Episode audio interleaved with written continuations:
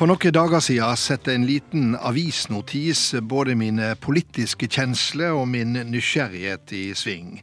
Den fortalte nemlig at en av de virkelig store nestorene i norsk politikk, Carl I. Hagen, for første gang på 45 år ikke hadde tenkt seg på årets valgvake i Fremskrittspartiet. Han valgte å være hjemme. Slikt smaker det en flik av politisk historie av, og det er mer enn god nok grunn til å invitere deg hit til Studio 62. Velkommen, Carl I. Hagen. Tusen takk skal du ha. Kan du beskrive din første valgkveld hjemme på 45 år? Ja, det var veldig spesielt. Jeg så jo bilder på skjermen fra Bristol hvor Fremskrittspartiet hadde valgvake. Og jeg satt i godstolen og hadde nytt et godt måltid mat og hadde et uh, lite glass vin. Og ventet på å få de første tallene. Og de kom jo, og de var begredelige. Hva tenkte du da? Da må jeg stille idrettsspørsmålet. Hva følte du da? Følte det var veldig vemodig. Jeg hadde jo ingen rolle lenger i partiet. Nei, Men du var invitert? Var ikke, ja, ja, ja, jeg var invitert både som møtende stortingsrepresentant og som bystyremedlem og som tidligere partileder eller partiformann. Men jeg, jeg visste jo også at journalistene ville plage meg med spørsmål som jeg visste hva var, men som jeg ikke på det tidspunktet ønsket å besvare. Så da valgte jeg å slippe og si ingen kommentar, ingen kommentar hele kvelden. Så det var for å slippe unna oss journalister også, at du ja. valgte det? Ja, fordi jeg vet at jeg ville få spørsmål. og De spørsmålene hadde jeg ikke noe lyst til å svare på allerede valgkvelden. Jeg ville ta noen dager og tenke meg godt om før jeg begynte å svare på de spørsmålene som ville komme. Var det hyggelig hjemme hos deg på valgkvelden? Eli og jeg hadde en utmerket kveld sammen, selv om vi syntes det var trist å se minus, minus, minus, minus. Selv om det ikke gikk så ille som vi hadde fryktet. Og dere er helt enig i analysen av dette? Dere to? Ja, vi er vel relativt enige, tror jeg. Så det ble ikke store oppgjør i heimen akkurat nei, den natta? Nei, vi hadde det Det var ingen store oppgjør i heimen i det hele tatt. Vi hadde, veldig, vi hadde en hyggelig aften, men begredelig og bedrøvelig og vemodig over å se så lave tall, oppslutning for Fremskrittspartiet, som dette valget ga. Vi skal komme tilbake til det, men du har jo en plass i vår politiske historie eh, ved at eh, du gjennom 28 år først etablerte og så leia Fremskrittspartiet fra bokstavelig talt 0,1 eh, eller annet prosent og til et av Norges mest sentrale partier. Men, men er du egentlig litt sår og skuffa? Ja, jeg er sår og skuffa. Jeg, jeg, er det, for jeg syns at eh, vi burde ha gjort det langt bedre. Jeg kan jo si at uh, min ledestjerne var at vi skulle ha et parti som fikk innflytelse. Uh, helst i regjering, men ikke nødvendigvis i regjering. Altså, vi hadde en del innflytelse da vi var på vippen og vi forhandlet frem budsjetter. Mens uh, Siv har vel hatt målsetting om å være i regjering som veldig høyt og, og, og få gjennomslag der. Jeg syns ikke den politiske plattformen fra 2013 var god nok til å gå i regjering. Så du ville sagt nei i 2013? Jeg ville ikke på den plattformen som først var forhandlinger på, her i Oslo med de fire partiene, som ble en avtale med Venstre og KrF, og så Sundvolden-erklæringen med Høyre-Frp-regjering. Eh, jeg syns den var altfor lite gjennomslag for Fremskrittspartiet. Jeg sa det ikke den gang, jeg ville ikke lage vanskeligheter i det hele tatt. Men eh, jeg, jeg syns ikke den var godt nok med gjennomslag for Fremskrittspartiet til å bli svinebundet i en regjering.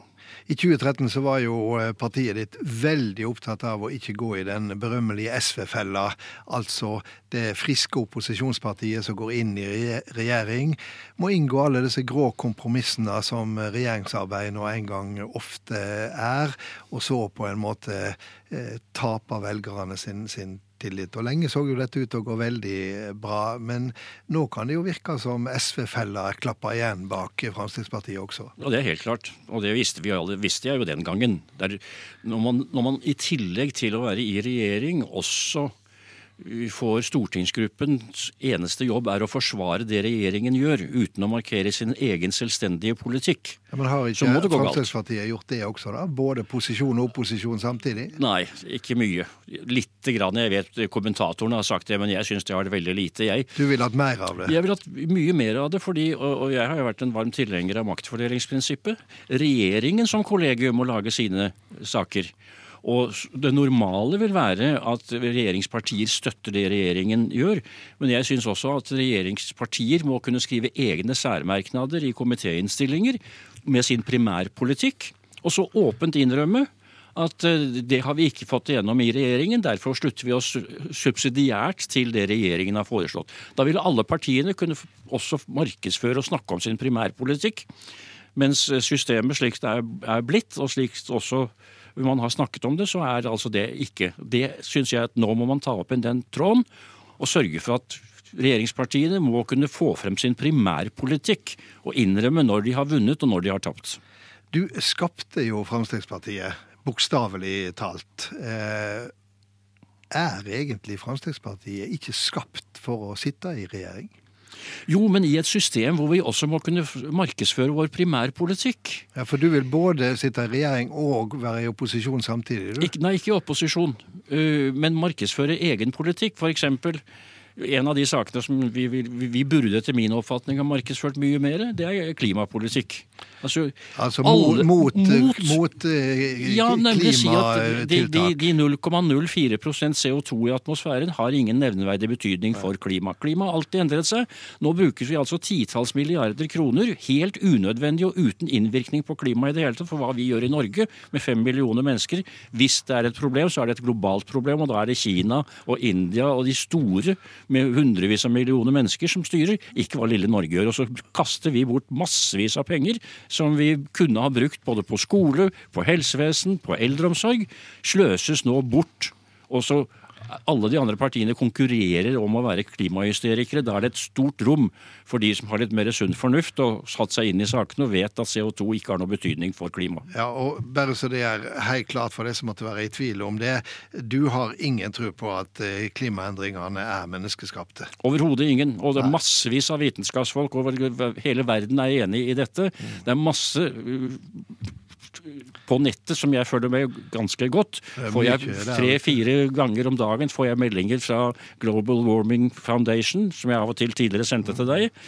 Det siste jeg fikk fra, fra noen, det var et utklipp fra Aftenpostens førsteside i 1937, hvor man slo fast at isbreene ble stadig mindre og mindre og mindre. Men, så, så, det, så, hvis Fremskrittspartiet hadde nå klart sagt fra at eh, klimaendringer er ikke menneskeskapte, der har det vært et rom for Fremskrittspartiet? Der er det et rom for Fremskrittspartiet. Det er et rom for Fremskrittspartiet også når det gjelder utenrikspolitikken, syns jeg. Altså, Vi har, så vidt jeg leste, brukt 21 millioner kroner for å komme inn i Sikkerhetsrådet. 23. 23. Vi har da vel ingenting i Sikkerhetsrådet å gjøre som tjener norske interesser. Norske befolkning har ingen interesse av å være i Sikkerhetsrådet. Det er kun embetsverket og, og, eventuelt eh, ledende politikere som syns det er stas å være der. Masse ting vi kunne ha markert oss eh, på. Det samme gjelder eh, å bekjempe islam. Ikke muslimer, for det er mennesker. Og de aller fleste er gode, fine mennesker. Men systemet med islam og sharialover kunne vi hatt mye mer sterk fokus mot. Som alle lytterne eh, hører, så eh, hvis det var noen som tro at det at Carl I. Hagen valgte å være hjemme på valgkvelden, betydde at han lente seg tilbake politisk, eh, de får tro om igjen. Vi er ikke ferdig med samtalen vår, Carl, men vi skal ta et lite lystig mellomspill.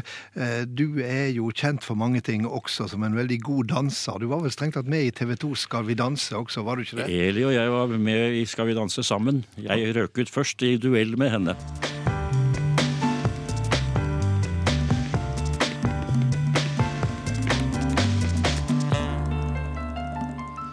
Ja, Karl I. Hagen, du er med meg fremdeles. Og dette er jo blitt kalla et opprørsvalg, og du ble jo lenge regna som selve eksperten på å, skjønne sånne underliggende, kommende velgeropprør. Har eh, Frp mista den emna til å legge øret til bakken i, i eh, regjeringsposisjon? I stor grad ja, og det er fordi man har, som jeg har nevnt, det systemet med at eh, stortingsgruppenes jobb er å forsvare alt det regjeringen gjør, istedenfor å markedsføre sin egen politikk, og istedenfor å formidle et budskap til regjeringen som regjeringen må ta hensyn til.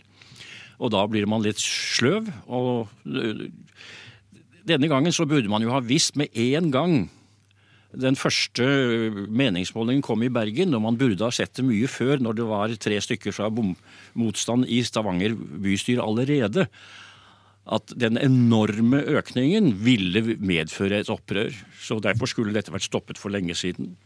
Og Fremskrittspartiet skulle tatt den ballen mye, mye tidligere.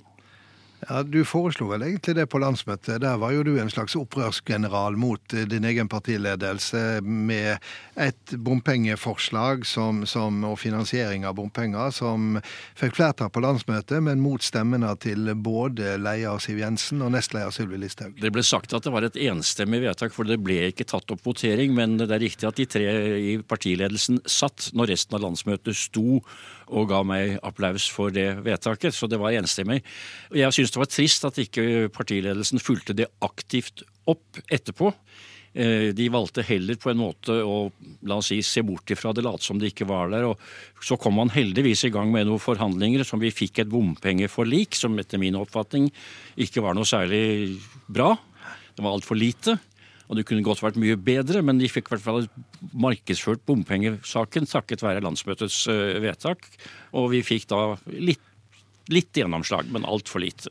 Når jeg sitter og hører på deg eh, og freister å lytte, noe som alltid har vært interessant når du snakker, så eh, får jeg et inntrykk av at du er en framandfugl i eh, Fremskrittspartiet? Ja, jeg føler meg nok litt som det også. Det, det gjør jeg. jeg. Og jeg har jo hatt avvikende synspunkter, eh, som jeg har sagt til Siv, at når du blir irritert over at jeg har sagt et eller annet i en avis, så må du huske på at da er det sikkert uh, ni andre ganger jeg ikke har sagt noe i, i, en avis. Så du må være klar over det. At uh, det mange ganger jeg har vært flink til å holde kjeft også. Så egentlig er du en forsiktig og tilbakeholden kar? Egentlig ja. Jeg har vært det. Men jeg syns nå når vi er på 8 på, på, landsbasis, og vi hadde oppe i 15 eh, for, for siste stortingsvalg. Nå må vi stille spørsmålet er vi tjent med at bare fortsette som før, basert på Granavolden. Tror vi da at vi kommer til å være over 10% i 2021? Mitt svar er nei, da har vi ingen sjanse til å være over 10% og da halverer stortingsgruppen. Da havner vi på 5-6% Altså må man gjøre noen endringer etter dette kommunevalget i måten man arbeider på. Og særlig må man få frem Fremskrittspartiets primærpolitikk, slik at vi kan få i hvert fall litt gehør for hva som er vårt eget syn, og ikke bare forsvare kompromissene i regjeringen. Er det på tide å gå ut av regjering nå etter seks år? Nei, det er for tidlig å si, men vi må få en endret arbeidsform for å se om det kan, eh, kan gjøre det. Og så må vi få også adgang til å si altså, Hvis en statsråd, f.eks. olje- og energiministeren, egentlig er enig med meg når det gjelder klima, det vet jeg ikke, men jeg skulle ikke forundre meg om han var det, da må han kunne si jeg personlig er uenig i det vi nå gjør, men dette er et av kompromissene, og her vant ikke dette synet som jeg står for frem, og er, som statsråd skal jeg gjennomføre det som er regjeringens vedtatte politikk. Alle hadde forstått det. Tror du at eh, Siv Jensen er partiets leder også ved neste stortingsvalg? Det velger jeg å la være å svare på. Bør hun være det? Jeg velger å la være å svare på det. Jeg går ut ifra at uh, Siv, som er meget dyktig politiker, tenker nøye gjennom uh, partiets situasjon og sin egen uh, situasjon. Og om hun brenner av lyst til å stå på videre når hun ser på hva som er skjedd med partiet. Vil du støtte henne? Det velger jeg å ikke svare på. Dette er ting som Siv må tenke gjennom, og som partiet selvsagt må, må, må drøfte. Det jeg Og jeg pleier å være av og til litt frekk i kjeften, for å si hun overtok som leder av Fremskrittspartiet da vi hadde 33% oppslutning på meningsmålinger. Men hun skal ha ros for at hun greide å få Fremskrittspartiet inn i regjering. Det greide aldri jeg, selv om jeg aldri prøvde så mye heller. Eh, men det har hun greid. Men det er klart spørsmålet må stilles. Er regjeringens deltakelsen verdt et, at partiet ved neste valg havner på 5-6 I 2011, da meldte du deg tilbake på den norske politiske arenaen. Du stilte som ordførerkandidat i Oslo, og du uttalte at 'jeg savner meg selv'. Var det så mange andre som savna deg, egentlig? Nei, det var ikke det. Jeg trodde det var flere, men det var ikke så mange andre som savnet meg. Så det var en uh, Var det en tabbe? Ja, nei, jeg, jeg vet ikke hva Vi kan alltid se tilbake. Skulle gjort ting annerledes. Ja, jeg har gjort mange feil. Skulle gjort ting annerledes. Uh, men jeg har, vært i bystyret nå i åtte år, og har vært med og har hatt litt innflytelse. Um, men altfor alt for lite, selvsagt. Så det kan godt hende at det var en grov feilvurdering fra min side. For det er riktig som du sier, det var ikke så mange andre som savnet meg. Men eh, i 2003, da var du leder i Fremskrittspartiet. Da hadde partiet ved kommunevalget 13,1% I Oslo så var det 16,5 eh, I år så var landsgjennomsnittet 8,2, var det vel. Eh, og da var det Oslo 5,3. Hvorfor eh, gjør jo Fremskrittspartiet det så mye dårligere i Oslo, der, der du leder bystyregruppa, enn på landsplan? Vi har lenge snudd opp ned på gamle dager. I gamle dager var Oslo mye over landsgjennomsnittet. Men eh, de siste 10-15 årene så har store byer der har vi ligget dårligere an enn på landsgjennomsnittet. Og vi har gjort det mye bedre i distriktene enn i byene. Opprinnelig så gjorde vi det best i byene, så de har endret seg uavhengig av hvem som har, eh, har, har stilt.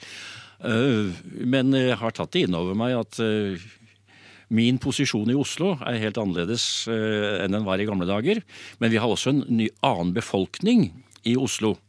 Og det er helt klart f.eks. at eh, mange velgere, og også innvandrervelgere, som har tidligere stemt på Arbeiderpartiet i Groruddalen og Søndre Nordstrand, de er så sinte på bompengene at nå stemte de på bompengepartiet i Oslo. Eh, de vil ikke stemme på oss, sannsynligvis bl.a. pga. at vi står for en streng innvandringspolitikk. Men det er jo særlig Arbeiderpartiet og Høyre som har nå tapt til bompengepartiet. Vi har tapt noe, men eh, ikke så mye. Men eh, vi gjør det dårligere i de store byene. Nå går du ut av eh, bystyret. Du er fremdeles vararepresentant til Stortinget de neste to årene. Hvordan blir hverdagen til Carl I. Hagen uten politikk? Det vet jeg ikke, for det har jeg bare opplevd en kort stund fra 2009 til 2011. Uh, det var ikke noe det var ikke så gøyalt. Så det, det, kommer til å bli, det kommer til å bli vanskelig. Men uh, jeg kommer til i hvert fall å bli eh, mer hjemme, og sannsynligvis håper vi, hvis jeg ikke møter på Stortinget, at jeg kan være litt mer i Spania. Er du en av de som ikke skjønner når det er på tide å gi seg? Sikkert. Sikkert. Det vil jeg i hvert fall ikke forbause meg om noen mener det. Men du kommer fremdeles til å ta telefonen når vi journalister ringer? Uh, av og til så gjør jeg det. men jeg har vært flinkere til å si ingen kommentarer.